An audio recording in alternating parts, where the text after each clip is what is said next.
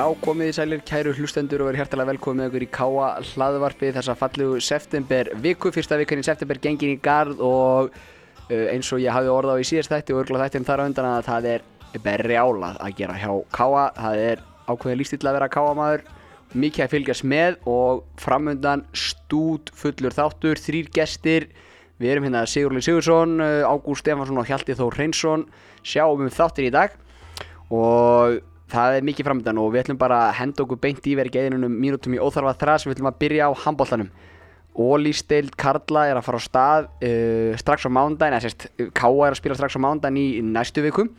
Og síðan uh, tví höfðið lögadaginn eftir það þannig að þetta er alltaf að fara á stað, alltaf að gerast. Og það er engin smá leikur mándaginn 19.0 í Káa-heimilinu Káa Akureyri.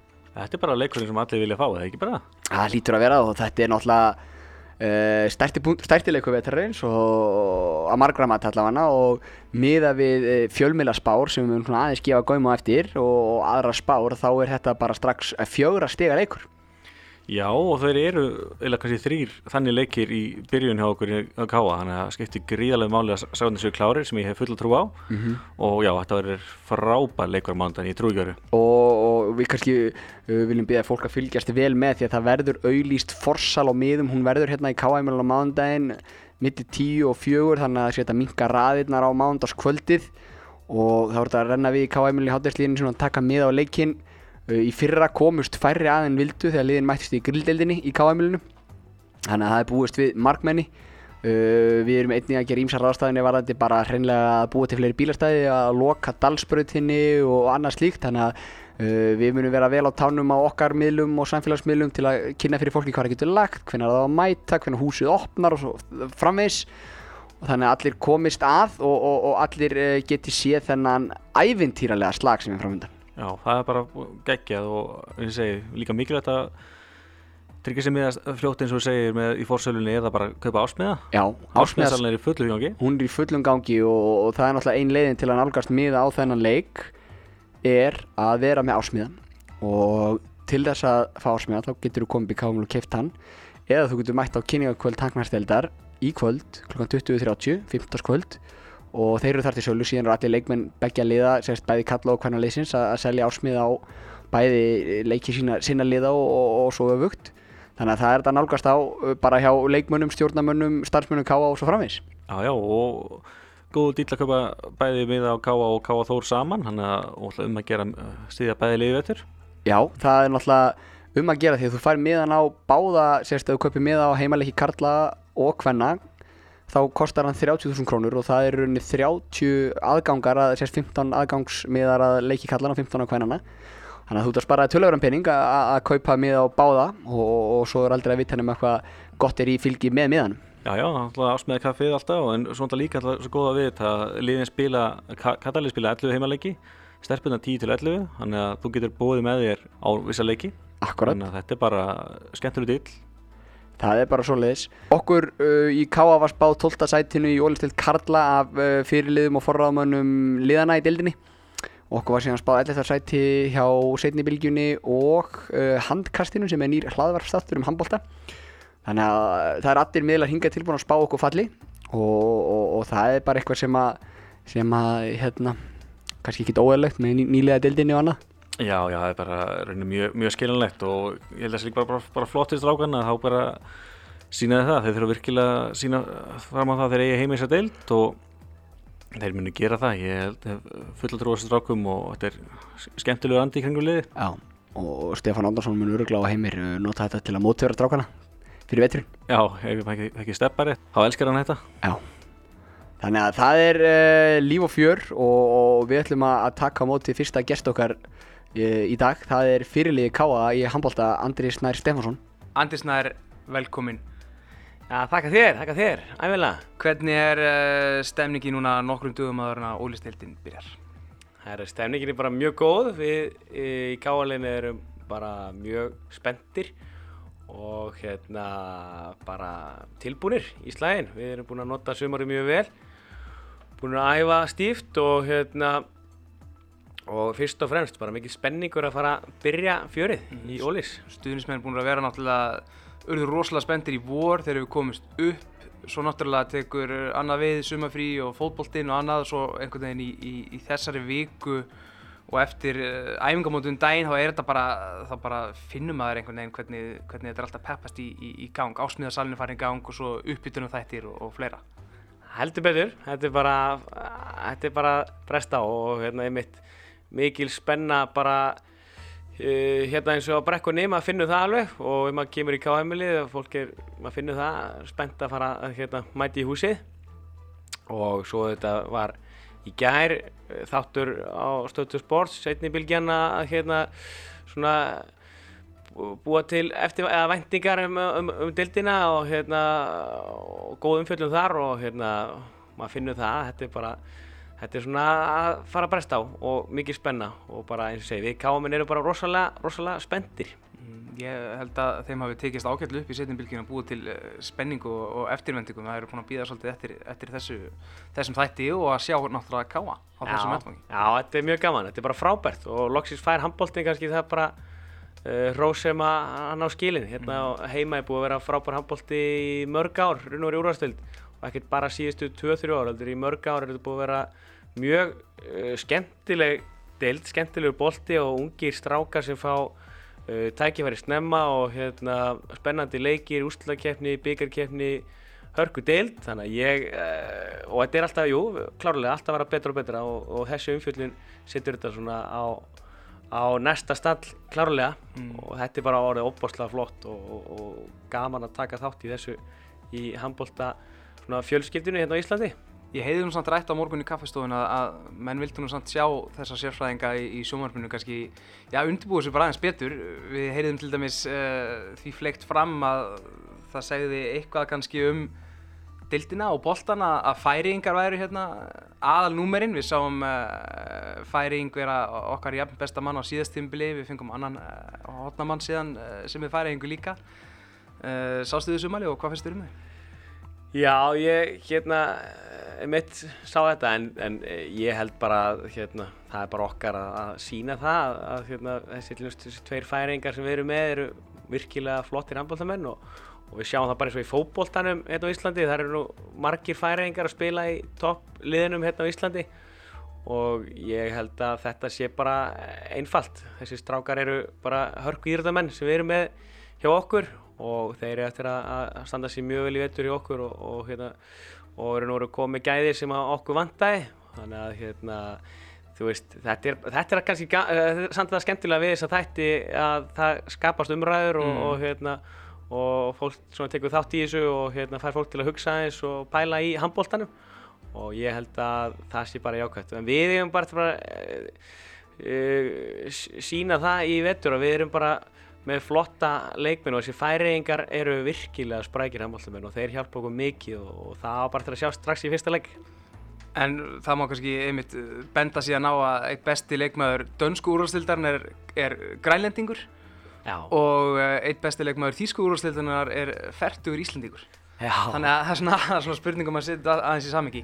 En uh, að því vorum að tala um uppbytun og annað, Káa spáð neðstasæti af uh, forraðamönnum félagana og næst næsta sæti annar staði líka, okkur er spáð bara beint niður aftur.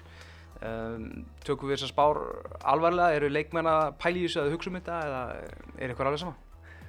Okkur er alveg ekki að selja sama, ég segja alveg sver þetta er hérna auðvitað, auðvitað sáum við þetta og við vitum að, að þessu þessar umræðu og hérna við erum auðvitað nýlegar í dildinni og það er ekkert óeðlilegt að að liðin hafa ekki trú á okkur þannig en, en, en ég get alveg sagt það að við vitum alveg klárlega fyrir hvað við stöndum og, og við, við byggðum ákveðinu grunni í fyrra sem við erum bara búin að bæta við núna og, og við höfum haldið á að bæta okkur og ég, þú veist, það sé bara alveg eins og er þessi spá, við pælum ekkert í þessu og hérna erum bara opbúslega spenntir að sína það, við erum betri en þetta og auðvitað er það alveg klárt að og yfirlýst markmið hjá okkur er að vissulega halda okkur upp í deildinni. En við vitum hvað við getum og, og það er bara okkar að sína það en við, þetta bara, í, hvað ég segja, hvetur okkur bara áfram í, í að gera vel Segð okkur aðeins frá þessum styrkingum sem við höfum verið að fá, hvernig er það að koma inn í þetta? Tarík uh, Skitta, við sáum hann hérna margir allavega á, á opna norðanska greiðamótunni hérna um daginn og svo er náttúrulega Allan hodnamæður færingurinn sem við, við myndust nú á þann og hvernig eru þeir, þessi menn að koma inn? Já, og svo Danni Matt líka. Danni Matt er sjálfsög gammalkunnur. Mitt, Danni Matt komin heim sem er frábært. Hann er mjög flottur í gulabúninum og hérna maður finnur það að hann er, hann er taka þátt í þessu með okkur og hérna hann alltaf veit nákvæmlega hverju hann gengur og við veitum hvað hann stendur fyrir. Þannig að hann bara smettur mjög fljótt inn í þetta. Uh, Tarek er skittan okkar sem við erum búin að, uh, segja, lengi búin að býða eftir að fá hérna norður svona alvöru bombari, hann er stór og hérna getur skotið uh, af nýjum metrunum og mér er það lengt af tíu metrunum og hérna hann að þetta er ákveðin skotdóknur sem, sem hjálpar okkur gríðarlega mikið. Við erum auðvitað vissulega eftir að hérna slípa næst betur til inn í okkar leikstíl og það áttur bara verða betra og betra. En ég hef miklu að trúa því að hann eftir að hjálpa okkur uh, talsvert. Þar sem að nú er hægt að bara vera flatir í 6-0 á mót okkur og, og það er auðljóst, hann getur skotið. Mm.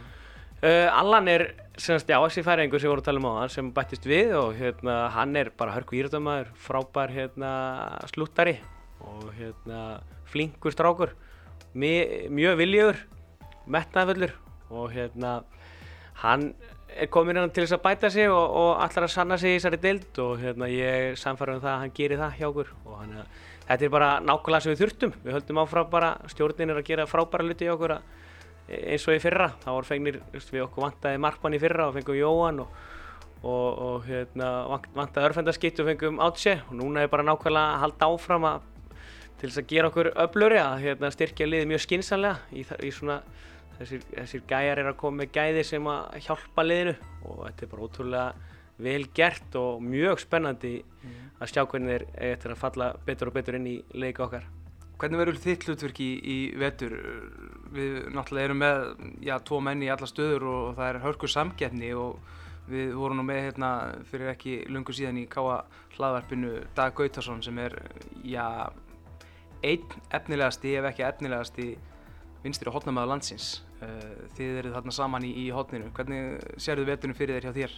Já, bara hár rétt. Veist, við erum bara með talsverða breytt og það þarf í svona deild eins og ólistildin er og hérna mjög jákvægt að vera með tvo menni hverju stöðu og hérna ég e, mitt hlutverk er klárlega það ég er fyrirlegin í liðinu og hérna e, komin með mikla reynslu að spila í þessari deild og við erum með unga stráka og maður er að reyna að hjálpa eins og maður getur og gefa mikið af sér. Og auðvitað eins og þú sagðir sko Dagur Gautarsson er náttúrulega Uh, gríðalegt efni og hann er klárlega hotnumæður nummer eitt í vinstrótninu en ég er svona á bakinn á hann og reyna að hjálpa hann eins og ég get og auðvitað eh, búa til samkeppni fyrir hann og, og hérna, tilbúin að tilbúin að hérna, láta hann hafa fyrir hlutunum og hérna, þannig að ég mjög klárlega spila í vinstrótni og, og mögulega leysa eitthvað af í hægrótni líka og uh, nummer 1, 2 og 3 er í fyrirliði liðinu og reyna að hérna, svona miðla stemningu og, og hérna, ferskleika og hérna, sjáttu þess að allir sé á, á tánum í liðinu. Mm. Þú ert kannski endilega réttið maður að spyrja þessari spurningar en, en svona að velta því upp, það er dýrmætt fyrir leikmenn sem eru svona ungir eins og þessir, eins og dagur og, og fleiri að sjálfsögja í liðinu og að hafa menn eins og þig, Heimi, Jón Heðar og fleiri sem að hafa gríðarlega reynsla að spila handbólta í, í, ég veit ekki hvað mörg ár og, og svona til þess að hjálpa þeim að komast inn í þetta og kynast uh, þessu að spila á, á hæsta level á Íslandi?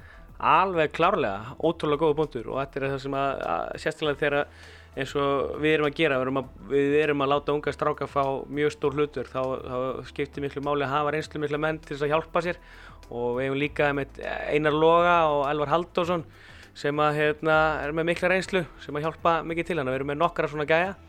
En ég sjálfur, þú veist, fekk uh, sénsinn mjög ungur í Káa, var 17 ára þegar ég var komin inn í liðið og ég man alltaf eftir hvað hérna, Sævar átna var mikilvægur fyrir mig og hérna nú finn ég það að maður er komin í svona hans hlutverk og það er, það er bara mjög gaman og, og hérna veit það að þetta er dyrmætt og þetta er mikilvægt og hérna maður bara, eins og segir, einar eins og maður getur að, að miðla reynslu og hérna annað en, en uh, nummer 1, 2 og 3 líka bara að hérna, hjálpa til í liðinu og vera á fullu. Þú lítur að vera peppaði fyrir því að leiða liðið út uh, í fyrsta leik hérna á móti Akureyri á mánudagi næsta.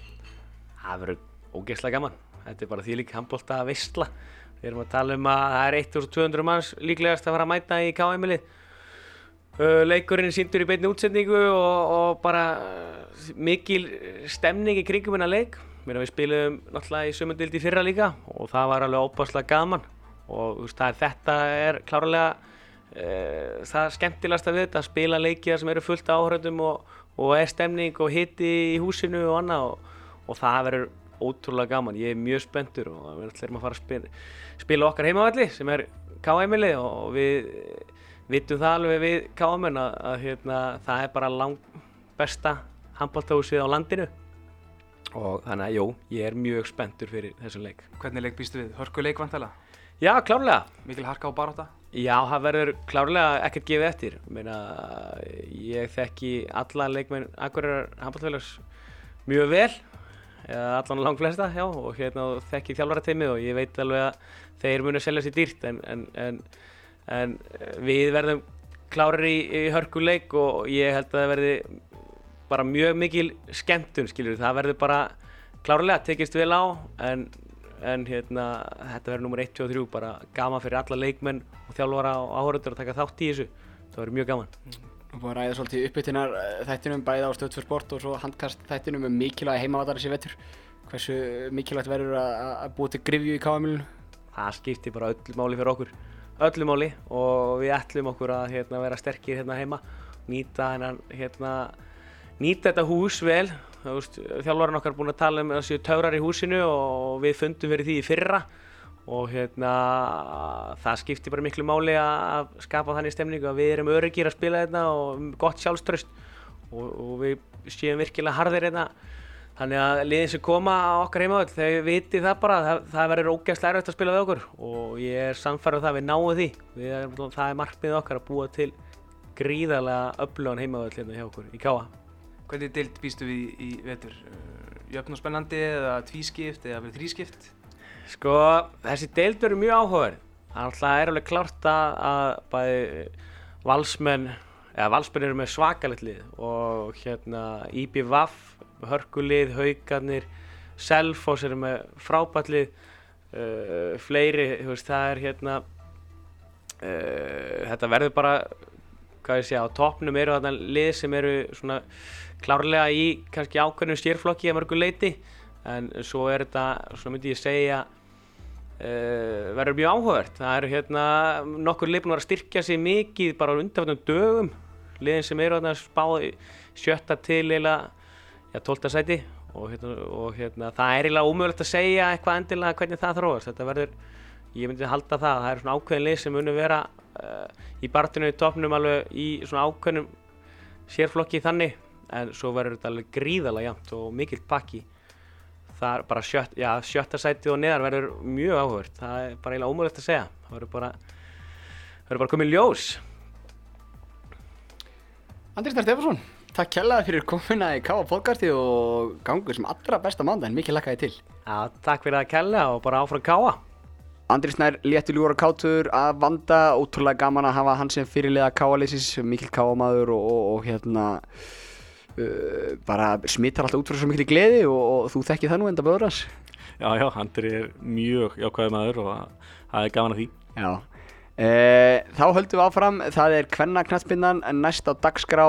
Það eru er þrjár risastórar vikur framöndan hjá, eða fjórarunni hjá Þór Káa það er verið í eldlinni bæði hér heima og Erlendis en uh, það er spila eiga þrjáleikett til dildinni loksins komið aðeins að leikja sem ég og Gústin er búin að tala svo oft um í sumar breyðarblik stjarnan Valur mm -hmm. og svona af það er ekki nóg að, að þá ákvaður að fá Wolfsburg í þeirra tveikja lúslu mestradildarinnar og það er mæta hingað á miðvíkudaginn 12. ágúst kl. 16.30 á Þórsvelli og við ætlum að spjalla við Donna þjálfara stelpnarnum það en, en, en líka viljum við minna á áhuga sama því að það ver, er mikill áhugi á leik Þórká og Wolfsburg að það er forsalega aðgangum með það á leikinn hér í Káaheimilinu millir fjögur, 5 og 7 5 og 7, já. í dag, 50 dag og morgun, förstu dag þannig að það er um að gera að koma að tryggja sig með að þangað til að forðast einmitt allar byðraði, fólk er jáfnvel að vinna til fjögur á, á mikuldeginum og, og þá kannski er löng byðruð.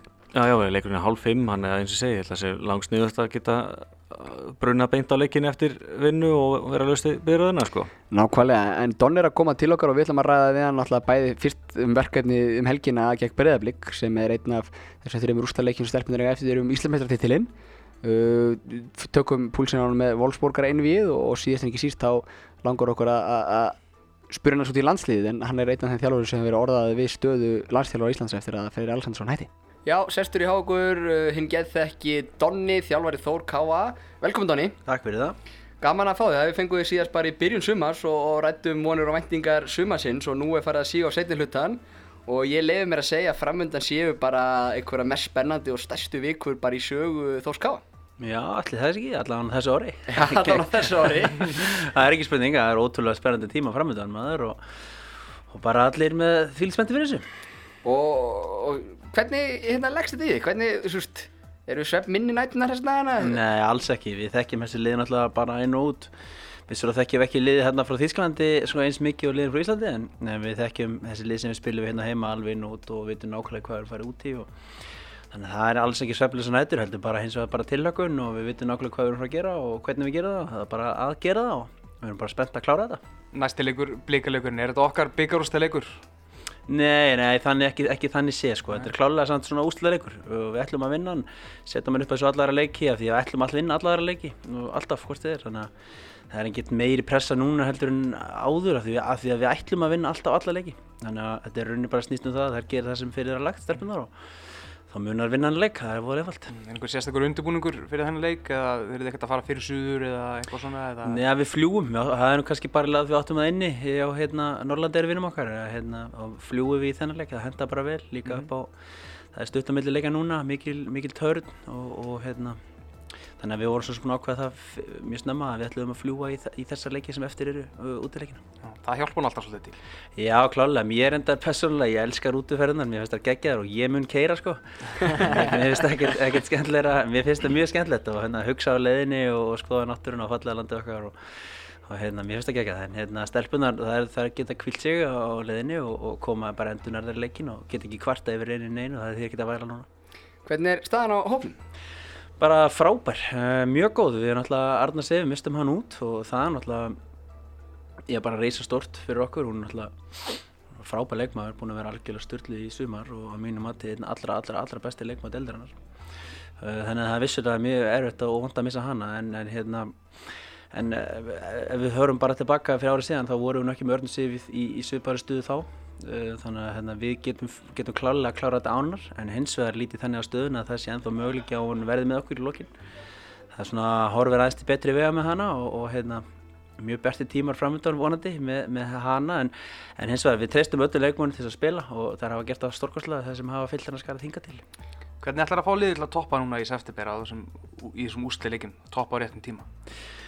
Það er ekkert, ekkert flóki sko, þetta er stelpur eru náttúrulega algjöru mistarar og það er vita nákvæmlega hvað það er að gera. Við vorum í, eins og ég segi, við vorum í svona þokkalega svipari stuði fyrra. Við vorum svo sem ekkert að fara að spila við liðin svona í þessum efri hluta eins og við núna. Um, Stelpunar elska að spila þessa leiki. Við hinga til, höfum við aldrei tapað fyrir liðanum í, í efri hlutanum síðan ég tók við, um, hinga til og það stendur ekki til fyrir því núna.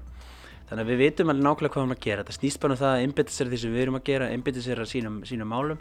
Þelpinn er í toppformi, við unum vel í, í þeim leikmenni sem fóru ekki með landsleganum sínum, sem voru ekki svo svolítið margar endar en við hjálpum þeim mjög vel. Þannig að þeir eru að koma, koma í lokalsprettin í toppformi og, og með hausin í lægi sem er náttúrulega aðalatriðismáli og auðvitað, e, svo í svarunum spurningunni, auðvitað er aðalatriðið að vera með höfuðið rétt skrúað á og einbita sér því sem að skipti máli. Láta utanákomandi áhrif ekki hafa mikil áhrif á sig. Gleima til dæmis þarnasta leik ákveður þessu staðinu núna leggja allt til hliðar sem að skiptir ekki máli og, og einbetta sér að því sem skiptir máli mm. er, er þá kannski bara, hjálpa kannski bara til að þetta eru eindumir úsildalegi framöndan ég menn það Það eru auðvitað margir sem eru farinir að horfa á leikina motið Wolfsburg, eh, náttúrulega sérstaklega hérna heima en, en allt innvíð en, en það er mjög mikilvæg leikur fyrst. Algjörlega og ég hérna, spáði nú personlega ekki sérslega mikið í þessum volsbúrleik. Ég hugsa nú bara aðlega um hennar blikaleg því að það er það sem skiptir öllu máli fyrir okkur. Við ætluðum alltaf að vera íslasmestarar, vissfélag langur okkur að örfumestarar. Sæðir það við okkur Já, í ég, Ítalíu? já, ég man nú eftir ég því að- segi ekki að við ætlum ekki að vera það sko. En við ætlum að byrja því að það sem skiptir máli næst og það eru íslasmestarar og, og þá, þá hérna, ætlum við að vinna þennan leik og, og, hérna, og klára það verkefni okkur ámlega. Það ert að rótira liðinu mikið, er þetta að hugsa liðsval eitthvað með síðan blíkalegnum út frá öllum september eða er þetta bara þetta bara eins og Nei, það sem er? já, við, við höfum gegnum tíðina bara í fyrra og eiginlega allt sumar við höfum svo sem eiginlega verið með svipað bara lið og það hefur henda bara mjög vel og gengið vel. Þannig að, þannig að ég sé enga ástæð til þess að fara, fara að breyta því eitthvað sérstaklega. Við munum breyta, breyta ykkur hlutum sagt, fyrir það næsta leik og svo sem er ég búinn að skipilegja alla leiki hér eftir en hins vegar verður að taka svo sem hvern leik fyrir svið því að við vitum náttúrulega ekki hvað gerist í middiltíðinni hvort ykkur meðist eða bann eða hvað. Það eru leikmenn hjá okkur á hættusvæði eins og staðin er í dag með að fara í bann. Þannig að en planið er hins vegar bara að, að spila á þessu liði sem hefur skilað okkur svo langt hinga til. Þannig að og vonum við bara að það gangi eftir. Uh, ef við snúmum okkur aðeins að leiknum á móti Wolfsburg og þá heimaleiknum sem er núna á miðgundaginn hérna klukkan hálf fimm á, á Þórsvelli uh, ég veit að þú ert náttúrulega kannski á kafi í einmitt eins og við erum búin að segja í bara næsta leik en, en uh, verðan satt fyrst að vera með því hérna að tala aðeins um þetta mestrættildaræfintýri var Wolfsburg, varstu svektur eða gladur að fá Wolfsburg eða var það svona Ég var, ég var sko svektur og gladur, ég var mjög hérna, svektur að, að, hérna, að fá, fá ekki, það voru fjögur lið sem ég hefði viljað fá til þess að fara svona þægilega áfram, Já. uh, svo má segja, uh, en, en mjög gladur hins vegar að fá lið sem, að, sem við vildum fá ykkur tíma, sko. Mm. við vildum klálega að fá Wolfsburg ykkur tíman í mótinu og engin spurning með það, hvort sem það hefði verið úrslalegur eða bara núna. Það var geggjað að fá Wolfsburg og Wolfsburg var svona að mínum að þetta er hæskrifaði lið og Líón náttúrulega hæskrifaði lið í þessu en, en Wolfsburg var hæskrifaði lið hjá mér að því að, því að fá landsinsfyrirlega til Íslands er náttúrulega styrla gaman og, og hérna, þetta lið er náttúrulega eitt allra allra besta lið í heiminum og ótrúlega vel manna lið ég hef þó byrði með að blika leiknum teka fram þá hef ég séð nokkur nakar í Wolfsburg og, og laumast aðeins í það og, og hérna, ótrúlega gaman að horfa svona lið spila og virkilega vel skiplat og stórkostlega leikmann í hver einustu stöðu og þannig að Þannig já, ég var svektur en, en ég er samt minnst að mjög gladur og mjög spenntur fyrir allra hönd að fá að upplifa þennan leikir. Eigum við sens á mótið þeim? Já, ég klálega, við hefum klálega sens. Við hérna, alveg íslenska landsliði, ég tekið dæmi áður og öðru viðtali að íslenska landsliði vann Þískland úti og við getum alveg unni Wolfsburg heima en, en hérna, alveg íslenska landsliði gerir sig grein fyrir því og við gerum það líka. Það er náttúrulega brjála vinna og brjála verk og það þarf allt að ganga upp og við þurfum eiga því líkan stjörnuleikmaður og helst að skora sláinu og hjólspinn tvisvar og, og, hérna, og, og það er að brenna þrejum vítum sko. Þannig að Þú veist, en, en þú veist, það er hægt klálega, engin spurning, það getur allt gæst í fókbalta og við höfum ríkarlega miklu að trúa því sem við erum að gera. Og vissulega munum við spila mikið varnaleg og, og hérna, reyna að nýta okkur ákveðin atrið í sóhleunum, svo sem búin að sjá ákveðina veikleika í þeirra leik, ef veikleika skildi kalla. Og, og við reynum að nýta okkur það eins, eins og við getum og svo bara sjá hvað gerist. Er eitthvað vítið til varnaðar að hafa séð svona, það voru ákveðna væntingar fyrir leikin, landsleikin um daginn Ísland-Þískaland. Þeim væntingum var náttúrulega bara eiginlega sögt af frábæru þýskulið. Er eitthvað vítið til varnaðar þarna þýst lið á múti íslensku sem að þú getur kannski eitthvað lært af eða, eða tekið inn í þennan leik? Já, það var, það var enda mjög skemmtilegt að, að sjá leikin. Ísland spilaði náttúrulega og hefur verið að spila oftar en ekki í samskona kerfi og Þórká. Uh, heitna, ég vil menna þeir hafa tekið það upp eftir Þórká og, heitna, og hef ákveðið fyrir mér í því. En heitna, mér, mér fannst mjög gaman að sjá það því að Þýskarliði spilaði með mjög álíkt og, og heitna, Wolfsburg spilar. Þannig að mér fannst mjög áhugavert að sjá svona fæstur á leikmönnum og það var, svona takti, taktíst var þetta mjög skemmtilegt fyrir mig að vera á vellinum og fylgjast með og ofanfrá Uh, já, klálega, ég, mér fannst íslenska liði geta gert mjög betri ákveðnum atriðum sem að við munum koma til með að gera betur í okkar leik því eins og ég sagði, þetta var mjög áþægt svona því sem við munum reyna að gera. Þannig að það verður bara, já, spennandi að sjá hvernig, hvort við getum mikið notvært okkur ykkur úr, úr þeim leik.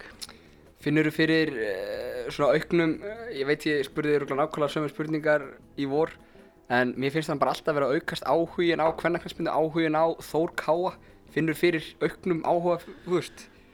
á fólk átt að gutta að stoppa það Já, að spjalla engi spurning, ég, hérna, mér lýðir eins og sé bara stundu fræsti maður bara akkurir, sko, ég, hérna, það er mikið af fólki, ég meina, ég, maður, maður fer í klippingu þá bara, sko, maður er til að hafa mikið með þetta og hitt og gaman að fylgjast með ykkur og fólk sem þekki ekki neitt, sko, ég, ég finn persónulega fyrir því mjög mikið já og ég fer í mjög mikið af viðtölum og alls konar viðtölum útvarps og sjóans og, og, og hérna, á, hérna í, í blöðum og svo leiðis, þannig að ég, mér finnst það mjög skemmtilegt og ótrúlega jákvæmt og, og bara gaman og hérna, mikill eiginlega bara mikil heiður fyrir, fyrir Þór Káa og það sem að stelpunar og við sem, að, sem hjálpuðum í kringu það hafa, höfum áorkað núna í, á frekar stundum tíma. Þetta er náttúrulega, ég sammála að þetta er náttúrulega magna því að, að þessi leikur á, á miðugvitaðinn, eh, þessi heimaleikur mútið Wolfsburg, það er það mikil áhuga leiknum, það verður að vera forsál á miðum og það er það mikil áhuga leiknum að Þór, eða Valdi Páls kollegi okkar hérna frangatistur Þórs, hann stendur í við KSI og Júfa að fá það gegn sem ég held ég búið að fá í gegn að það með verið í graspalunum og að það með vera fleiri en stúkan tekkur á Þórsvelli sko, þannig að í gegn. Já, þannig að það sýnir bara hversu mikil áhugi og, og svona samhelni er um, um þetta lið. Já, engin spurning. Ísland, Ísland stendur klálega saman með landsliðið sitt og Ísland stendur klálega stendur klálega saman þegar eitthvað liðir í Európkefni þegar, þegar hvort það er kallið að hvenna við stiðjum alltaf liðin okkar íslensku liðin í Európkefni og mhm. mestarkefni og svo framvegs Áður við sleppum við tóni hérna, þá verðum við að koma aðeins inn á Það var alltaf stutt maður. Að verðum alltaf að koma aðeins inn á landslið og ég langar fyrst og fremst að byrja að spurja þig sko, það vakti aðtegli mína til og með Sandra Marí skildi ekki að fengi mínútur í þessum tveimur leikjum sammála Já, mín persónulega skoðun er klálega svo að hérna, hún hefði klálega engin spurning átt að spila í þessum leik. Ég kannski ekkert endilega á því hún átt að byrja en, en hún er að mínum að engin spurning að koma inn að út með 13 marka manneski á, á bekknum sem hefur ekki eins og samt ekki viti og, og, hérna, og leikmennun á vellinu sem að mínum að sem að svona, þú veist, það var kannski bara komið pínuð þreita og kannski stóði sér allt í læg svona fyrirbart leiks en, en svo var, var komið tíma að breyta til og mér fannst hún mjög góða kostur í það en, en hins vegar ég ekkert að fara að gaggrina fyrirvændi landsinsjálfur ekkur viti ofinbarlega en ég hefði klálega gert þá skiptingu engin spurning. Mm. uh, og hérna svo sem öruglega eitthvað annað líka en, en, en þetta var engin spurning þar sem ég hefði gert. En okkur heldur þú að líkir menn okkar sé að klíka á svona augur stundu bæði slæmarmarsmistök uh, og Sara átti náttúrulega ekki góða leik eða leiki jafnvel uh, og klikkar náttúrulega viti sem sem kemur fyrir alla hvort þú heitir Lionel Messi, Ronaldo eða, eða, eða Sara Björk?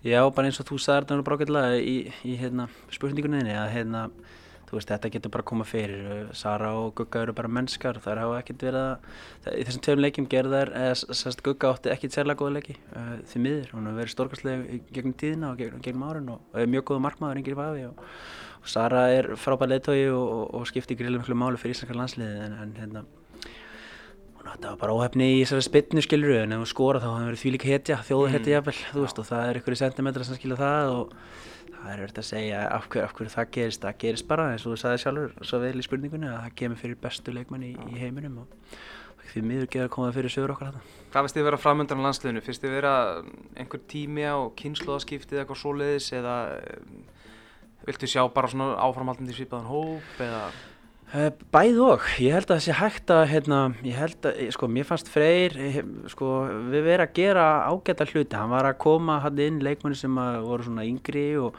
og feskari, Þa, það eru fleiri leikmenni sem eru klárir e, úr þeim hópi, þar að segja sem hafa ekki ennþá fengið það ekki verið og hérna, en hins vegar er, held ég sé mikilvægt að halda, að gera þetta í réttum skrifum, ég held sé mikilvægt að halda þó í ykkvað af þessum eldri reynslu meira leikmannum, þó að það þurfi ekki að vera allir, það þurfi ekki að vera, það þarf ekki að vera enginn, skilju, við, við, ég myndi vilja halda ákveðnum kjarnaklálega áfram, en, en halda áfram að gera það sem hefur verið að gera stundafæran ára, að gefa fleiri ungum leikmanni tækifæri að Ísland á frábær úlingalandslið við 17 og 19 þar að segja, við þurfum svo að koma 23 í gegn.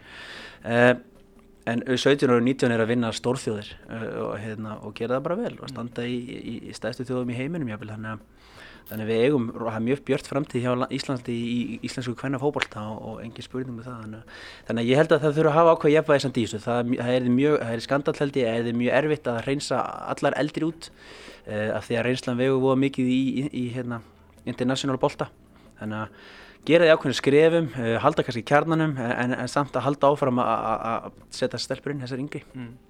Nú stendur við leita nýjum landslýstofara. Hefur þú áhuga á starfuna eða er þið haft samband við þig? Já, ég myndi klálega að skoða það en hins vegar er ég saminsbundið Þór Ká og, og elska það starf uh, og bara út af lífinu. Mér finnst það mjög gaman að vera þjálfur Þór Ká og, og mjög þjakkláttur fyrir að vera þjálfur Þór Ká og auðmjögur alla sólurhengin.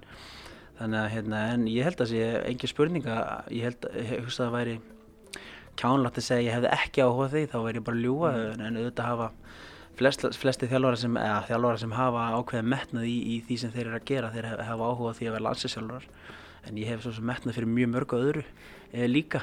En, en ég held að nógu minn er mjög reður eða ég myndi segja annað en hann myndi hérna, örgulega stiða mér í ef ég hefði áhugað því. Já, ja, kannski meikar ákveðið sens þegar þú ert sjálfur búin að segja að, hérna, að Íslandska landsliði sjálft hafi tekið upp það sem að þú er gáðar að gera meikar þá ekki sens að fá arkitektina því til þess að stýra skútinu bara? Já, mínum að þetta væri það eina viti sko. En, en eins og ég segja þá að segja aftur, ég er mjög ánað hjá Þorká og ég, hérna, ég elska það að vinna sem ég er með akkurat núna og og er ekkert, ekkert að hugsa mér eh, hugsa í rauninni eitt annað eins og staðan er í dag. Og það er ekki nokkur einstu maður búin að tala um það er eins og margir búin að spyrja með þessu. Og þetta er ekki fyrstur og það er eitthvað sem ágætt að reynsa bara lofti hér það er engi búin að tala um frá sambandinu eða neitt svolítið þannig Þannig ég er bara á fulli í minni vinnu og er mjög ánæður og stoltur í því sem ég er að gera þar. Við tökum guðuna þegar við setjum uh, þáttinn á, á Twitter. En mér langar að spyrja þig líka aðeins um, uh, nú hefur verið mikið í umræðinni umfjörlunin um landsliðið. Uh, Henri Bryggi Gunnarsson skrifaði grein á vísi.is eða skrifaði um leikin. Hann fekk heldur betur kaldar kveðjur frá mörgum í, í kommentarkerfinu þar og hefur nú verið að svara fyrir sig í dag á öðrum miðlum. Lastu þessa grein? Nei, ég veit ekkert um hvort það Nei, hann skrifaði þess bara það sem húnum fannst um leikin það sem hann já, var nokkuð hardorður í, í, í garliðsins uh, mörgum fannst hann taka full djúft í áruna og vera jafnvel ósangjan en svona, kannski svona uh, ef við tökum þá umræðuna kannski ekki í endilega í greinina heldur svona aðeins í víðara samhengi finnst þeir að það eigi að fjalla alveg eins um kvennalandslið og karlalandslið? Já, klálega, engi spurning, ég get ekki séð akkur þetta fjalla öður sem það, það verið, það, við, við köllum öll eftir jafnbretti í því sem við gerum. Uh, og hérna ég er algjörlega hlindur því og, og auðvitað á að, á að, hérna, fjalla eins um bæði landsliðin en hins vegar varandi, lands, varandi umfjöllun uh, yfir höfuð þá, þá skal hérna skal aðgátt uh, höfð þegar sála enna hvernig nærfur sálar hvernig var þetta? Já, aðgáttskólaði nærfur sálar þannig að, þannig að það, ég held að það sé sko, að mínu mati er stundum óþarið það sem er látið, látið flakka uh, í, á fjölmjölum við, við sem þjóð erum fyrst og fremst að standa saman í því sem við gerum. Ég er handvisum það að, að bæði Gugga og Sara þær vita að þær gerðu kannski mistöku í lein eða var fjallan um það og, og þeir sem eiga slæman dag og gera mistök, fólk veit alveg sjálf það mm. þarf ekkert, þarf ekkert endilega að vera mikið tala um það. Uh, en hins vegar er allt í lagi að benda á það að, að sumir hlutir uh, sumar hlutir má gera betur.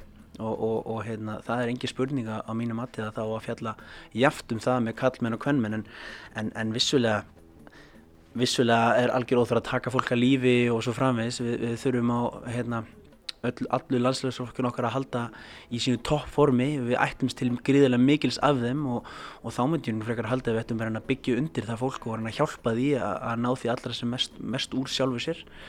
Um, en eins og ég segi, klálega að fjalla eins en ég myndi mæla með því bara að, að fólk tempri kannski orðið sín og hugsi kannski jafnvel örlíti betur, jafnvel tvísvar og áður en að hérna, þeir skrifa þess að skrifa en, en, en, en vissulega má benda á því að fólk á dabra, dabra leiki þannig kannski banda sér bara í orðavalið. Mm. En við erum samhengi núna að lokum allan frá mér. Uh, umfjöllun um hvernabóltan í sumar. Hvernig finnst þú hún að verið?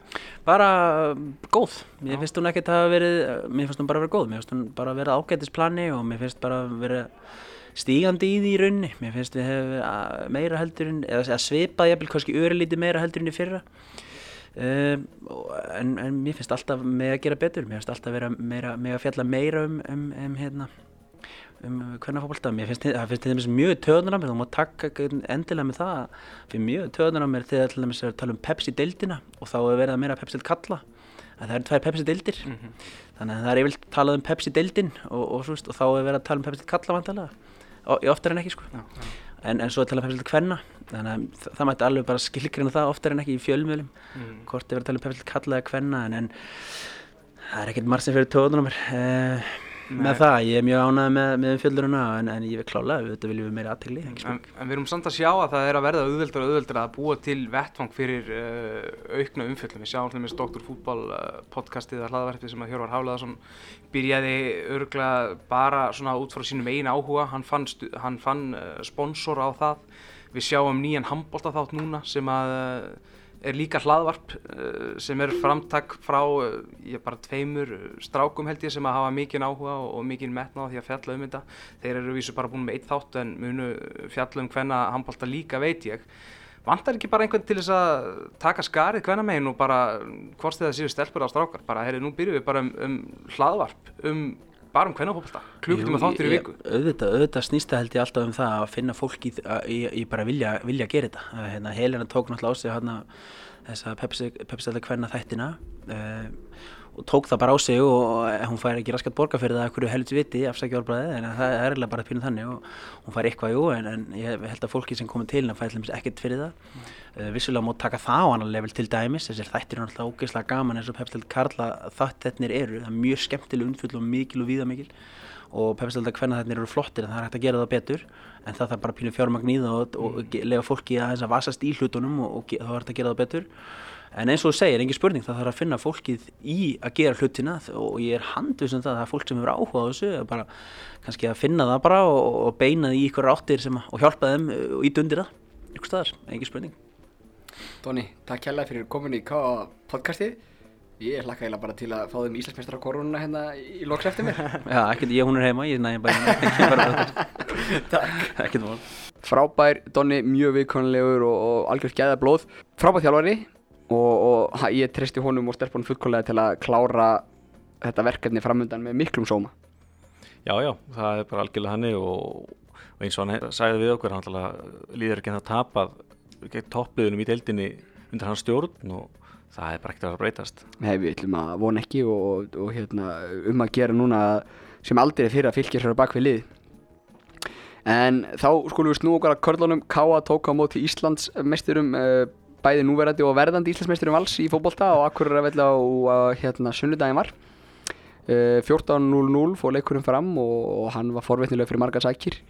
Káa skoraði þrjú mörg og Valur gerði þrjú mörg Káa sendi tvo leikmenn upp á bráðamáttöku með sjúkrabíl og uh, náðum svona aðeins að stríða Íslandsmeisturunum í, í verðandi topparóttu með að taka þeim þessi tvö stig en þau hefði látt að vera þrjú Já, ég segja bara að valsmenn hafi bara reynt stíði af okkur sko. Það var gríðarlega vel leikin leikur okkar hálfu og mjög jákvæmt að sjá hvað með voru til í að spila sótna sinna. Liðið fengið smá gaggrinni undanfötnu fyrir að hafa verið og varna sinna og tekið og fá að sensa. Mm -hmm. Þessi leikur var mjög gott svar við því og Káa átti svo sannlega að skilja vinnanleik en eins og kannski hérna Við fyrir kannski betur í með stein þar eftir. Káa hefur verið að missa svolítið leikið niður í jættefli á, á loka myndurum og svona og það, því miður gerir sérna enn áttur. Það er nefnilega alltaf það að með hef og hefði þessi núna leikur um því Viking, FH og Val 60 í súgin út af við fáum okkur marki upp á tíma. Uh, einhverjir hafa líka verið að taka það, við hefum ekki náðu skóra mútið keflaði eitthvað heimaðalli og eitt af þeirra fjórum stöðum í suma og komum mútið okkur. Ah. Uh, það er að fara í alls konar leiki út af þessu og pælingar og hræringar og hrókeringar en staðin er bara einfallega þannig að við erum siglum líknan sjó og miða deild og, og við erum bara svipuður í fyrra. Auðvitað hefur verið gaman að vinna ísmeistarina í það en, en, en hérna uh, því fór sem fór uh, það sem ég tek út úr þessu leik er náttúrulega eins og þú segir Sóknarsinnaði bolti skorað þrjú mörg á, á, á, á þetta lið. En það sem er blóðugt fyrir okkur er meðisli Áskei Sigurðssonar Já, það er bara hræðilegt sama hvaða leikmaður lendi í þessu en kannski er það ekstra hræðilegt með, með áskera því að áskera hefur lendi í þessu áður hann hefur haft þetta að hafa mikið fyrir að komast á þann stað sem hann er komin á sinni feril.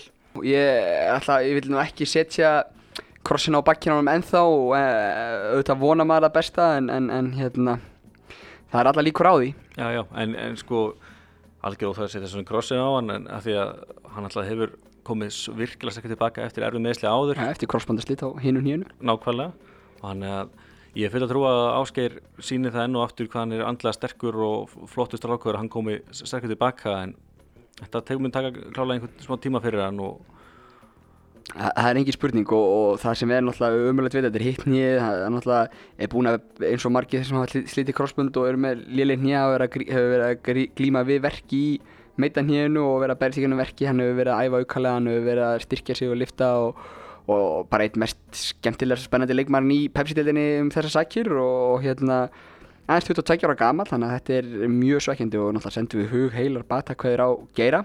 Uh, nýbúin að koma í podcast til okkar líka. Já, Leðilegt. En uh, Bjarni Mark, hann er á betri vegi, hann fekk höfuðhögg og, og höfuðhögg í, er því miður alltaf að vera kannski algengur og algengur eða kannski meiri, meiri meðvitund meðal almennings og, og leikmanna um uh, hætturna við að fá höfuðhögg. Hann stein rótast náttúrulega bara í leiknum hann á móti val. Já og tók tölvöran tíma náum aftur til meðvindar, þannig að eðlilega vorum við ekki, ekki sama en En þetta lítur allavega ágætlega vel út núna. En, en eðlilega, ég var hérna aðeins yfir mönnum þegar sjúkrabílinn var að taka, að taka hann upp í Já. og eðlilega voru mönnum ekki rótt. Nei. En þó haf ég einnig svolítið gaman að því að pappans, Bjarna, hann var eiginlega svo hressasti hérna á svæðinu og hann var mjög reyndur í boltanum og hann hafði kannski þetta minnstu ágætuna á svæðinu. Hann, hann grjótharður marktaðfíld en aftur á móti þá, ég sendi Bjarni og Geir náttúrulega, ég sendi þeim báðan skilabóðum kvöldið og Bjarni svaraði bara um hæl og sagði að þetta hefði náttúrulega bara verið vond en hann er í klári næsta leik ég, ég baði hann með andaróli og, og hugsa um sjálf hansi fyrst og fremst en, en við vonum náttúrulega að hann hefur verið á einn okkar bestu leikbúnum í sumar að hann verið í klári slægin í næsta leik Já, já, en samt ekki, ekki gleyma því að hann fæði líka högg á hausin leiknum á undan og tvö högg á stundum tíma eru ekstra hættulegt þannig að sjáum bara til hvað við gerum en veist, með kannski stöðun á liðinu þá kannski er ekkert stress að henda hann strax út í djúbuleginu aftur mm -hmm. Nú kemur smá pása, það er landsleikja frí Íslandar að spila í þjóðöldinni og spila við Östuríki og Belgíu með minnir og, og hérna Túfa fæði margætt á æfingarsæðinu fyrir næsta leik og, og það við bara fögnum því og þannig að gefa Bjarnar líka tíman til að koma tilbaka og, og allir ætti að vera átni klárir og heilir uh, fyrir, fyrir næsta leik og hérna það er bara jákvæmt Já, já, og eins og þessi spilum sem mútið val var mjög jákvæð, en ég er bara spenntur að sjá hvernig við klárum þetta tímabil og bara áfram, áfram gakk, segja, segja menn. Akkurat, og við skulum þá taka og fá Steinþór inn til okkar og, og spjalla við hann um, um, um bæði hans tímabil og framtíðina og leikina mútið val og svona. Steinþór, við ætlum að gera upp uh, valsleikin þrýðaskipti í sumar sem að við fáum okkur marki upp á þetta tíma uh, það er stutt á mitt lísu, þetta er, þetta er svekkjand úslitt uh, eftir hann að flotta leikja okkur. Já, mjög svo. Þetta er orðið helvitið þreytt með svona jöfnunamarka á síðustu mínundum og búið þú veist, búin að tapa ansumörgu stegum í sumar sem gæti að hafa fleitt okkur í smá Evropabáratu mm. Þannig að þetta er ég ætla að vona bara að við getum fara að klára þessa leiki í staðan fyrir að missa þetta í jættufli Já, þetta er vikísleikurinn núna eh, og þetta er allt bara nýverið. Vikísleikurinn þar sem við fáum okkur marki á 97. minúti held ég að 2-2. FH-leikurinn þar sem við erum búin að setja leikin frábælu upp, fáum okkur marki upp á tíma. Það er líka 1-1 hérna heima og svo núna þessi valsleikur. Eh, þetta eru 60 töpuð í rauninum að segja og, og þessi 60 hefur flytt okkur einmitt upp í Európa-sæti. Já, sjálfsögðu og þetta er alveg gríðarlega svekkjandi en svona maður hefði verið mikið svektari þú veist, hefði þetta skipt það miklu máli sko þú veist, Evropu dæmi var eiginlega dotti úr myndina þannig í valsleiknum mm. þannig að þetta var meira upp á stoltu og sína hvað við í okkur býr sko og ég, ég tel okkur, þú veist, þetta hefði verið einna besti leikir sem við hefum sínt í sumar mm. og enn og aftur sínu að, að þú veist, við getum staðið í þessi bestu lið og, og spilum oft mjög vel á mótu góðum liðan en eins og það hefur sínt núna og í fyrra þá missum við þetta jætteflið með svona smá klauvagangi þetta er alveg mjög svipað í fyrra þegar við spilum á mótið við fannst við ættum að klára þetta 2-3-0 sko. Mm. en svo fáum við vítaspinnið hann í fyrra og jöfnunumark núna. Þetta er svona þetta er reytandi en maður verður bara að taka á þessu Hvernig var sett uppi fyrir leikin? Var eitthvað, eitthvað sérstatt leikplæning gangi eða ætluðu bara að spila okkar leik? Nei, það, þú veist, það er gríðarlega vinna sem hérna túfaleggur í alla leiki og það er langur, langir videofundir og rosa gaman.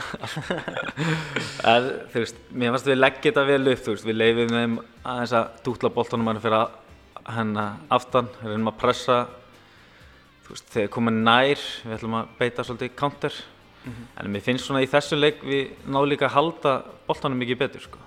Þú veist, vanlega erum við svolítið að veist, í panikmót og sparka bóltanum langt á hann en mm. í þessu leik náðu að halda bóltanum og spila þá út úr sinni pressu mm. veist, þeir reynda að pressa okkur en veist, gerði okkur auðvilt fyrir að, að spila út úr í Já. Það hafa uh, fleiri stuðnismenn kallaði með þetta aðeins eftir það við séum aðeins kaldar á bóltanum og svona spilum aðeins kannski meira léttleikandi en, en við höfum oft sínt. Við höfum sínt að sjálfsögðu frábara spilamennsku að kafla í sumar. En svona tekur undir það að margir vilja sjá okkur spila kannski aðeins meira spennandi bolta, aðeins meira sóknumbolta og ég get tekið leikinn eins, eins og K.R. hérna heima á móti, á móti K.R. segi ég heima. Uh, við nálgust þann leik að því er virðist svona frá allavega mörgum stuðnismönnum að halda markinu okkar hreinu og, og, og í staðan fyrir að koma kannski bara með kassan úti og ætla bara að taka þrjú stíg og, og heimaðalli og koma okkur alvöru þá í, í Európa-baratuna. Tekur undir þetta eða er þetta eitthvað sem að við kannski ekki að auðvitað vill maður spila fallega bólta og vera að sækja á þannig og K.R. var í raun ekkert settur upp öðru í sig en heimalegins. Þú veist, við ætlum að vinna og þetta skiptir mjög miklu máli fyrir okkur hvort við ætlum að vera með í sig Európa-baratu eða ekki mm. en ég hef í raun ekki svör af hverju þetta var svona daburt. Ég veit ekki hvort að menn hafi verið stressaður á boltan eða veist, við náðum engu spili, náðum ekki að halda boltanum og, og vorum að elda og það er mjög erfitt að elda í 80-90 mínutur. Þá kemur bara markið mm. og þú veist, rétt áður ég er að koma inn og þá erum við að reyna að fara að skipta og ætlum að reyna að halda aðeins boltanum því að þú veist, markið lág eða bara loftinu þó að það var kannski ekki mikið opnum færum en ja þeir voru að færa pressuna ansi hátt Já. en það er bara, það vantar stundum í sumi leikjum bara hana drivkraft sérstaklega eins og hvernig við byrjum mótið við byrjum þetta mót allt öðru sem við byrjum í fyrra mm. fyrra voru við alveg sprengjur og það var gaman að mjög gaman að allan að horfa held ég á þá leiki og fyrstu leikinu ár kannski voru ekki svo skemmtilegustu og einhvern veginn eins og liðið hafi verið dögt en það er ekkert ég veit ekki hvort það sé þú veist, ég hef reyni enga skýrung á þessu. Þetta er mjög svipið tímabil þannig séð en við þurfum bara að ná þessum toppleikjum miklu oftar. Mm. Í fyrir náttúrulega vorum við eh, að koma aftur upp uh, kannski svona svolítið mikið pepp í kringum okkur og svona í fyrra Núna erum við síðan aftur á móti að spila annan tímbil, við erum að spila inn í Egilsöll hérna á móti fjölni og reynda síðan á móti fylki líka. Og uh, undirbúinustímbili er núna búið að vera líka mjög gott, við erum búin að spila frábæran bolta, búin að vinna náttúrulega alla leiki og skora alveg hellingamörkum. Og það var mikil svona eftirvænting og, og einmitt, ég held að margir hafi verið svona fyrir pínum ombröðum að þetta var svo já, ókáalegt, ótúfalegt hvernig við vorum að fá okkur mörk í byrjun leikja og, og, og slíkt. Já, ég er alveg sammála. Ég held að undurbrunstímbali hefði verið eitt af besta sem Káa, eða sem ég veit af Káa mm. og höfum sínt og vorum að spila glimrandi bolta og því líku drivkraftur og pressa og það var að láta boltan ganga millir kanta vel og þannig að þú veist fáum í fyrsta leik marka okkur tildalulega snemma og ég veit ekki hvort að það er bara drepið einhvern veginn leikinn. Mm. en svona eigum smá sprettan í lókin að það er bara alltaf sent þú verður að, að fara í leikinn alveg á miljón í byrjun sko. Nákvæmlega. En við förum aftur yfir í, í valsleikin þá voru náttúrulega tvö atvik sem að setja mjög sterkan svip á hann. Og ef við byrjum bara á, á Bjarnamark um, það var óhugnulegt að sjá sjá hann liggja í grassinu eftir þetta. Hvernig, hvernig leiði þér uh, þegar þú sást uh, boltan í andlitið á honum þarna á stutufæri? Já, þetta er náttúrulega alltaf ríkalegt og ég raun náði ekki að meðtaka þetta. Ég var, ég var hent fljótt út að heita upp og ég held ég að náði að heita upp eina færð áður en ég kom inn á hana. Þannig að veist, ég náði í raun ekkert að meðtaka hvað það hefði gerst nákvæmlega og hvort það væri að anda eða ekki sko. Nei. Ég sá bara að menn voru, þetta tók það langa tíma að þetta hlaut að vera eitthvað alvarlegt en mm. svo er ég búinn að sjá þetta aftur í sjónvarpunni þá er þetta, ég held ég aldrei sé bara fastar á skot beint í andlit á einhverjum. Já og einmitt kannski ennþá meira óhugnulegt fyrir þá sem að vissu aði að hann hafi líka fengið höfðvögg í leiknum á undan og var reyndar í rauninni tæpur að sögn fyrir þennan leik út af því höfðvöggi. Þannig að þetta var svona kannski, já, jafnvel ennþá meira áfall fyrir einhverja sem er vissa af og, og fjölskyldur hans voru á vellinum og, og fleiri. Þannig Já, það getur verið sko. Það er náttúrulega, ef þú ert búinn að fá höfðvögg með svona stuttum millibili þá var það alltaf mjög hættulegt. Þannig að mm. vonum bara að hann komi sem fyrst út af hennar leiki, eða þú veist, að spila leikin og ég hef heyrst að hann er á góðum batavegi. Heldur betur. Sendum honum að sjálfsögðu bestu hverður Uh, annað atvik Ásker uh, meðist líka illa uh, og aftur svona þeir sem að sem að þekkja hann vita að hann mittist á mjög svipaðan hátt fyrir nokkrum árum síðan kom náttúrulega tilbaka frá Noregi til Káa eftir þegar hann er að jafna sig af þessum erfiðu crossbandarslitum og það var eiginlega vitamál að þetta var mjög alvarlegt þegar, þegar hann leggst í grassið og, og meðist. Hvernig hóla þetta við þér? Já, ég var mjög nálátt þessu og mér finnst það bara hrikalega erfitt fyrir hann sjálfan og náttúrulega liðið. Hann er búinn að vera að mínu, þú veist, viti besti maður mótsins fyrir gáða og náttúrulega flott, hérna, flott sísón fyrir hann og átti náttúrulega að fara út með landsliðinu og þetta er bara erfið meðislega en ég þekki ég þekki hvernig típu hann hefur upp á að bjóða og veist, hann kemur bara 100% sterkari sko. Mm algjörlega. Hvernig var síðan, þetta eru svona tvö frekar stór atvika allavega sem voru grift í okkur þarna sem vorum í kringum leikin. Eh, hvernig var hálfleikurinn? Var eitthvað minnst af þetta? Voru þið eitthvað að pæla í þessu? Er þið eitthvað að fara yfir þetta? Eða? Eh, ég veit ekki fyrir, ég get ekki tala fyrir liðið sko, maður hugsa um þetta á þessu tímabili en svo þarfstu bara að vera 100% fókus á leikin sko. Þannig að ef þú byrjar eitthvað að hugsa og mikið um þetta þá ertu með bara vill eins og fókus og maður vill svona Já. frekar þú veist gera eitthvað fyrir þessar strákar sko, vill, við viljum vinna hana leikin fyrir þessar strákar, þetta er svona maður á að nota þetta frekar sem drivkraft og ég gerir það frekar en að svo getur maður hugsað um þetta eða þú veist, Já, fljótt eftir, leikin hvernig, hvernig líðan og hann er og Nákvæmlega. það var náttúrulega ræðilegt að heyra að þú veist, þau voru báðið bara nánast bara súandi en þá Já, því að ég man að ég saði við uh, marga þarna í kringum okkur uh, bara með það hvernig mér líði núna og mér leiði ömulega mm. þá get ég ekki ímynda með hvernig strákunum líður sem að þekkja uh, Bjarnar og, og Geira mjög vel, æfa með þeim og hitta á okkur með einans að degi, þetta eru vinnir þeirra. Og að sjá þá meiðast svona ítla og að fara út af það hlýtur að taka á og ég var ekki í neinu standi til þess að spila ekki þannig, þannig að ég held að flestir hafi verið svona ansi ánaði með hvernig þið síðan komið út í sittnafleikin og spiliðir henni mm. mjög vel. Já, við hefum gert þetta áður. Þetta gerðist náttúrulega líka mjög blíkum þegar Mílan mittist sæðilega á nýjaskilni. Já. Og þá, þú veist, mér fannst bara að vera einhvern veginn meiri stígandi. Menn voru meira kannski fókusaraðar á leikin og, þú veist, þetta, þetta er náttúrulega erfitt alltaf en við allan að tækla um þetta mjög vel og mm. sem lið. Algjörlega, algjörlega. Herru, þú skoraði þitt fyrsta mark, það var tímabært eða ekki? Það var bara aðeinslegt. með skalla? Já, ég, ég er svakalega með skalla. Er það ekki? Vannmettin skallamæður? Já, ég held að þau eru bara að henda mér ótt að frama sko. Já, er það ekki? Allan í hotnum á hann. Ég, ég veit ekki hvað ég er að gera hann fyrir utan, ég kann ekki að skjóta lengur. er þetta einhver ís sem þú varst að brjóta núna? Er, uh, var þetta eitthvað sem var búið að líka eitthvað á þér eða? Fyrsta markið fyrir gáða? Nei, sko, ég er þannig spilar að ég, veist, ef ég er einn á mjöndi markmanni og og get gefa hann sko, þá gef ég hann frekar. Fyrir mér telja mörkin ekkert þó að veist það lítur betur út á kannski fyrirskráni en fyrir mér skiptir þetta allt um að vinna leikina og, og mörkin eru bara pluss þannig sé sko. En þá aðeins bara svona almennt eins og við vorum að drepa á hérna á en uh, við erum ótrúlega stutt frá Európa-baróttu en, en þessi svona svekkjandi mörk sem við erum að fá okkur og lókleiki að gera það verkum að við erum bara siglum sjóum miða deild uh, væntalega ekki það sem við ætluðum okkur fyrir tímabil svona uh, á heildina litið þetta tímabil vonbriði eða, eða bara svona allt í lægi? Já, þetta er klálega vonbriði fyrir mitt eða þú veist, mitt mat á því mm.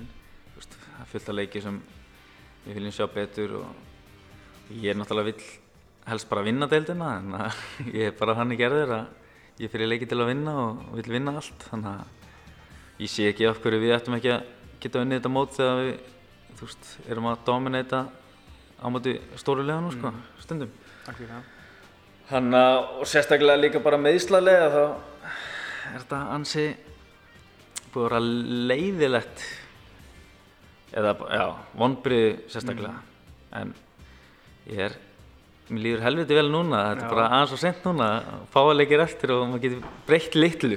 Farað hans yfir það, hvað nákvæmlega hefur verið að hrjá þig og hver er svona staðin á þessu? Búin að vera að fyrir okkur stuðnismenn hefur verið afskaplega leiðilegt, ekki bara með þig, heldur líka með bæði Guðmann og, og svo Hallgrím og fleiri að, að sjá þessa menn sem við viljum að séu líkir minn í okkar liði séu ekki uh, alltaf 100% klárir. En, en svona fyrir því persónulega getur aðeins farið yfir þína meðslasugu sumar og, og svo fannavís. Já, náttúrulega fyrra var þetta fekk ég smá í læri alltaf og var bara eiginlega þú veist, kannski búinn að æfa tvær vikur, var verið góður, kom hann inn á, svo kannski æfingu daginn eftir að fæ, fæ aftur í lærið og þetta var bara alltaf sama og án þess að einhver gætt fundið eitthvað út úr því. Mm. Svo í byrjun sísón og í lók sísón þá finn ég ekki neitt fyrir þessu og hefur ekki, hef ég raun ekkert fundið fyrir því aftur. Næ að æfa helviti vel á undirbúningstímabilinu, á flott undirbúningstímabil, svo bara í blíkaleiknum, bara eftir leik þá stýpna ég allir upp fæ þá í kálvan mm. og ég bara mjög lengi að ná mér úr kálvanum það er ekkert fyrir en bara í mann ekki, þriðið eða fjórðarleik og var, þú veist, það var mjög svipað og og hérna lærið að, þú veist þú helst á að væri kannski 100% mm. svo kom eitthvað að napp eða eitthvað verkur mm. þannig að þetta er búið að vera svona veist, þetta færi svona einhvern veginn frá hægri yfir til á vinstri búin að fá smá í læri líka en ég er bara vonað að þetta sé búið núna ég er ekki búin að finna neitt þess vegna var þetta ansi erfitt að fara út á, út á ámati viking þegar loksins þetta var ekki vöðameðsli heldur fyrir ekki spark undir yluna mm. þannig að ég var svona þú veist ég ætla ekki út af en ég bara gæti ekki stíði í löfina þannig að ég var það að fara út af en ég er bara vonað að ég Þú veist, ég er að gera, reyna að gera allt til þess að halda mig bara í góðu standi. Maður byrjar í jóka og ímislegu okay. sko, til þess að liðka sig og ég er svona, ég er að vona að það sé, þetta, maður sé bara styrður til þess að Já. takast á við fókbalná sko. Já. Þannig að ef það lagast, ég er að, ég er að reyna þetta Ryan Giggs method. og hvernig gengur? Bara mjög vel sko. Ekki, hef ekki fundið fyrir allan að segja henni byrja á þessu. En er, er ekki einmitt að byrja pínu, að ég veit ekki hvort það sé að byrja, uh, svona vitundavakning fyrir kannski svona meðferð. Ekkert endilega bara hjá einhverjum mönnum sem er eldast eða eitthvað svoleiðis, bara svona kannski aðeins öðru sí hérna, áhersla, hvort það sé mataræði eða, eða jóka eða annað svona fyrir, fyrir fólkstamenn. Ég held að sé að það er náttúrulega léttara þú ert úti í meira svona professional umhverfi, þá er það er hugsað miklu meira fyrir sko. þú mætir kannski byrjun leiktíðar og þá er sko, þú ert skoðar alveg baka fyrir sko. mm. þú, þú veist, ef þú ert stittri hægri löppin eða mjöðminni, þú veist, þá er bara unni því markvist og til að koma í vekk fyrir þessu meðsli en svona á Ísland er þetta miklu meira ef eitthvað gerist Já. þá er tekið á það sko. eftir áfræði í rauninni er þetta þá til og með eitthvað sem að þú Já, ekki þú, eða bara, bara félög getur bætt svona heilt yfir hérna heima? Já, ég, klárt mál sko, mm. þú veist. Til dæmis bara síðasta félag sem ég var hjá úti var Viking og þeir, þeir voru, ja, þú veist, lögðu ansið mikið pening í þessi fræði. Þú veist, það var tekið blóðpröfa fyrir æfingar, mm. hvort þú varst í standi til að æfa, þú veist að vera búin að drekka nógu mikið af vatni, annars vexti ekki að æfa og Já, okay. þetta var ímislega test og ef þú varst og þreyttir til og með úr blóðbröðinu sko, þá tekið kannski blóðbröðu eftir leik. Þá er bara mælt, þú veist, þau vita nákvæmlega hvað einhver sé hvað stuðull á að liggja.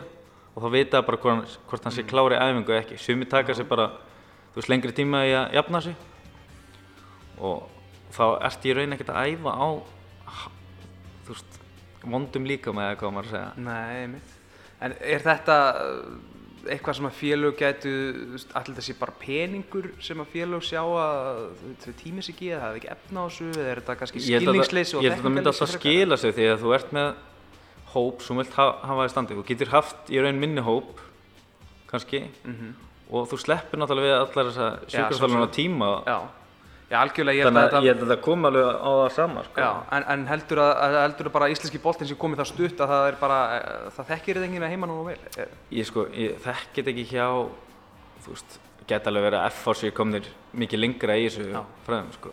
Viking voru alveg komnir miklu lengra en til og með Sannes Ulf. Þetta Já. var ekkert svona, svona rosalett batteri. En verðt er að minnast að þessu tvö ár til og með sjá Viking sem var þar þá ég held að það hef ekki verið ein vöðumæsli okay. á meðan þetta var í gangi sko. þannig að öll meðsli voru eftir högg eða spörk eða eitthvað hannig þannig að þetta er þetta hefur allavega potið skila sig þar sko. Já, þetta er mjög aðlöksvært og eitthvað svona sem að kannski maður hefur ekkert pælt mikið í og, og maður hefur heyrt að félög sé að senda þjálfar út til þess að læra af öðrum félögum einhverja, einhverja þjálfunafræði og, og svo slíkt en, en þetta er kannski eitthvað sem maður mætti líka skoða að senda já, sjúkarþjálfara og aðra út til félaga til þess að læra af þessu. Já, já, klart mál og ég, og ég vil líka meina að veist, við erum komnir miklu framar í þessum fræðum við erum, þú veist, fyrir æfingar erum við að gera kannski æfingar sem er að liðka, þú veist, við erum að hýta miklu meira upp en var í mm. þegar ég var yngri, sko, ah. oft var þetta bara reytur og spil, sko ah, þú veist, alltaf orðin heitur, sko á þannig að við byrjar að spila, sko ah. Þá skulum við aðeins uh, ræða bara framaldið, fyrst skulum við klára deildina, það eru þríleikir eftir í deildina, það eru tveir á móti þínum uh, gömlu liðum hérna heima, Breiðablík og, og Stjörninni Erst þú klár í þessa leiki? Já, já. Mér finnst ekkert... Ætlar ekki að fara út af? Nei, mér finnst ekkert skemmtilega að spila leiki og hann að hafa verið gaman, maður getur líka haft mikil áhrif á, þó við séum ekki að bæra þess kannski upp á mikið, þá getum við haft mikil áhrif á topparútana. Að, það er einhver barátt að hana og já, já. vona að við getum allan að sínt hvað í okkur býr á móti þessu liðum. Nákvæmlega. Og miklu skemmtilega að keppa á móti toppliðum líka. Heldur betur. Hvað er svo með framhaldið á þér, eh, samnismál og annað? Herri, það er bara allt í byggstuðu eins og er. Mm -hmm. Ég er bara, ég held að sé að vera að reyna að klára bara í mér smál inn, inn að káa fyrst mm -hmm. áður en svo fara viður að vera í gang. Já, sko. þú útsast að vera samnislaus? Já. Já. Og svona hvernig, ég heyriði að því að þú væri búinn að koma rosalega vel fyrir hérna og, og fjölskylda verið búinn að koma svo vel fyrir. Er, ertu áhuga samar um að vera áfram á Akureyri? Já, ég er opinn þannig sé fyrir öllu en mm. maður þarf líka að fara að hugsa um fjölskyldan og hanni og þeim líður vel hérna og við erum, veist, það er allir byr, konan að byrja að vinna og þau í skóla og það er mm. alltaf að vera erfitt að vera að flytja endalust. Þannig að og mér líði bara mjög vel að okkur á Akureyri. Nákvæmlega, frábært.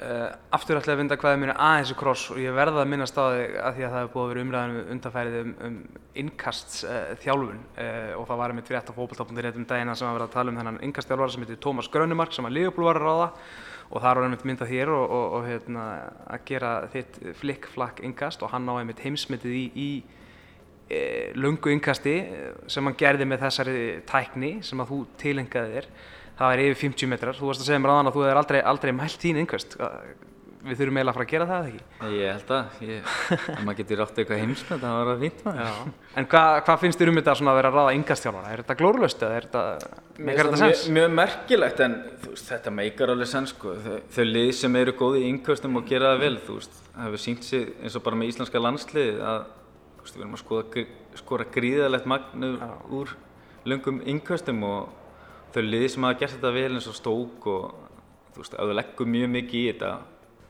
þá, þú veist, þú uppsker alveg pátat úr þessu. Já.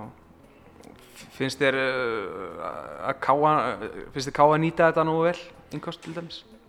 Já, við, þú veist, við leggjum alveg upp okkar taktík hvað ætlum að gera í yngkvöstum og hann en mm það er aðalega, það kom reglubreitinga að má ekki gera lengur. Svona heljastökk, flick-flack yngast, þannig að það, það þarf vel að bara breyta þeim reglum þannig að maður geti haldið þessu áfram.